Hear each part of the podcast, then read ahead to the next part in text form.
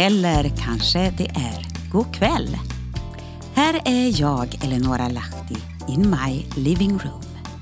Och idag då ska vi tala om något som heter teshuva. Eller teshuva, ja, jag vet inte riktigt betoningen. Men eh, var med och lyssna. Och du är riktigt välkommen.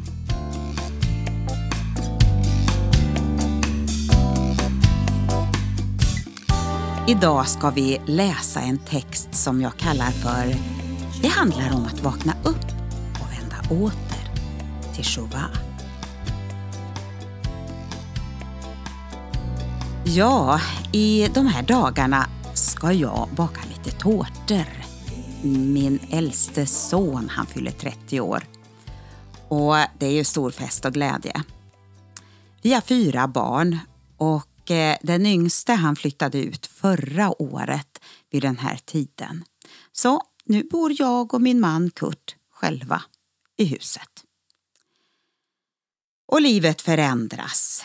Under de här åren så har vi fått fyra barn och vi har fyra barnbarn.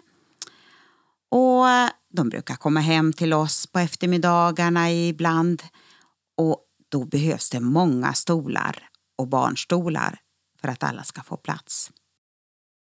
Och en spjälsäng till, det kanske vi borde skaffa oss också. Ja, det är märkligt. Ett stort hus, det är bra att ha i de här tiderna fastän vi är bara två numera här hemma. När vi flyttade till Israel så var vår yngste son Kaleb fyra och ett halvt år gammal och det var sensommar. Kaleb skulle börja förskolan och Ester första klass. Ja, de äldre pojkarna de läste via Sofia distansundervisning. Och Kaleb, den minste grabben, han var snabbast av oss alla att lära sig språket, att få vänner och bli en del av en ny kultur.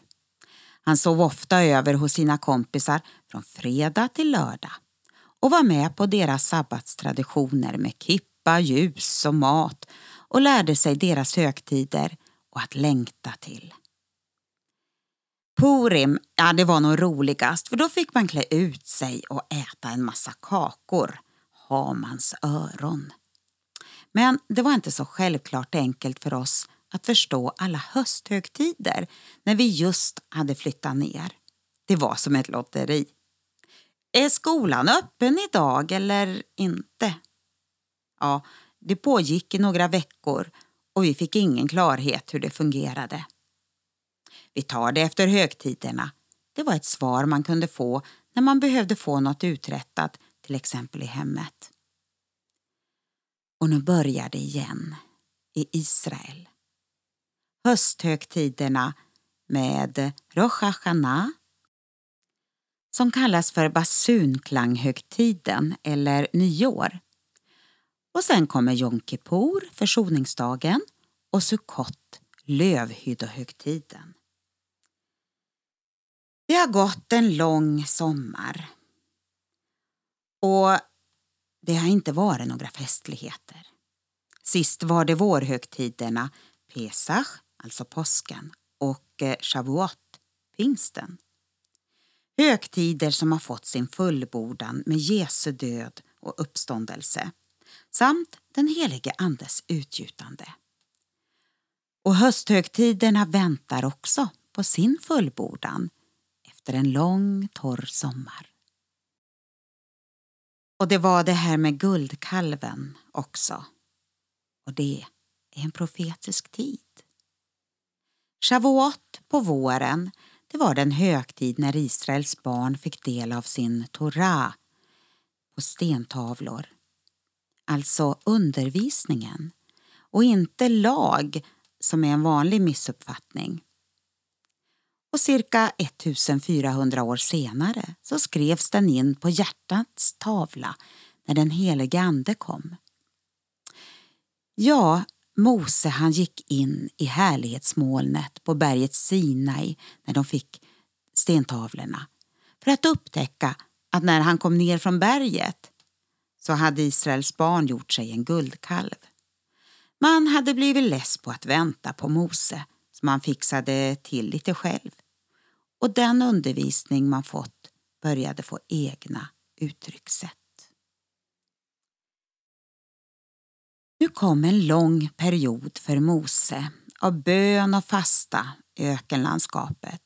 Hur skulle folket kunna vända tillbaka till sin Gud efter sitt stora avfall? Det hade blivit ett rörigt religiöst landskap där eh, det som känns bra för dig, ja, det hade gått och blivit deras sanning. Och parallellerna känns bekanta. Kyrkohistoriens och det sekulariserade samhällets utveckling. Det handlar om att vakna upp och vända åter. Det ligger en profetisk ton i denna parallell som den kristna kyrkan bör se och lyfta fram. Och även vi, var och en, personligen. Om någon dag så är det första Elul. Ja, det är det judiska sättet att eh, beskriva den 23 ska det vara i år, den 23 augusti. Och då börjar något som kallas för teshuva bland det judiska folket. Shofarhornen börjar ljuda i de religiösa kvarteren varje dag, förutom på sabbaten. Och det är i en månads tid fram till Rosh Hashanah, basun, klanghögtiden. Och därefter ända fram till Yom Kippur, totalt i 40 dagar. Det handlar om att vakna upp och vända tillbaka. Återvända till Gud och hans värderingar för att sen få del av hans frälsande nåd och uppleva en evighet med Gud som de övriga hösthögtiderna handlar om. Jag upplever att många runt om mig längtar efter att mera få identifiera sig och bli ett med sin kristna tro mitt i ett oerhört avfall i den här tiden. Det är en ton, en shofarton som går ut över världen. De som vill stämma sina hjärtas strängar efter Herrens tilltal. De kommer mer och mer att få uppleva hur deras hjärtas strängar vill vibrera i samklang med shofartonen som nu börjar ljuda. Vi har hösthögtiderna framför oss som med tiden också kommer att fullbordas precis som påsken och pingsten. En judisk liknelse berättar om en kungason som varit långt hemifrån en längre tid. Fadern sände ett meddelande om att han ville träffa honom men sonen tyckte det var så lång väg tillbaka och tiden hade ju bara gått. Svaret han fick var Gå så långt du kan. Jag kommer och möter dig på vägen. Teshuvah är tiden att återvända. Och att återvända och gå bort ifrån sina egentillverkade guldkalvar. De som kom till ett ökenlandskap och i en period av lång väntan. Det som blev ett substitut för det äkta. Shofarhornen har börjat ljuda strax innan högtiderna börjar. Och det, det är profetiska tider.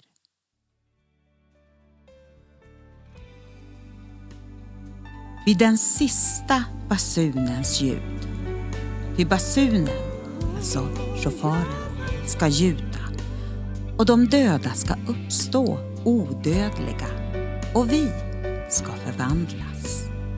Första Korinthierbrevet 15 och 52. Eller som det står i Segertoner nummer 284 med text av Fanny Crosby. När den sista basunen ljuder till jordens gravar ner. Och då kommer refrängen. I en förvandling underbar I en förvandling underbar Basunen man hör, de döda står upp i en förvandling underbar. Ja, nu ska vi ta och avsluta med en sång som eh, jag spelade in för några år sedan. Och eh, den skivan jag gjorde då, den eh, är byggd på många olika bibelord. Och nu kommer ett bibelord från Saltaren 103 och vers 19. Herren har ställt sin tron i himlen och hans kungavälde omfattar allt. Gud är på sin tron. Han är med dig idag. Han regerar. Han vill vara din Herre och Mästare och Hjälpare i dina omständigheter, mitt i din vardag, mitt i ditt liv. Och jag vill tacka för mig, Eleonora Lahti, in my living room. Och jag tackar dig Jesus för att idag så går du med oss var och en. Du är en sann hjälpare, tröstare och uppmuntrare. Och du, du sitter på din tron. Vi tackar dig Jesus. Amen.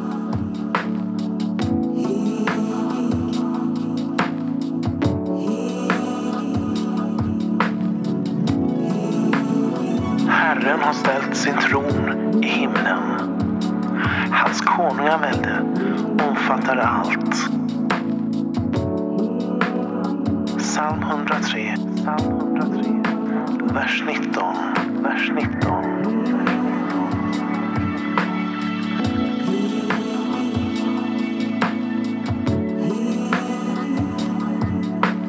Herren har ställt sin tro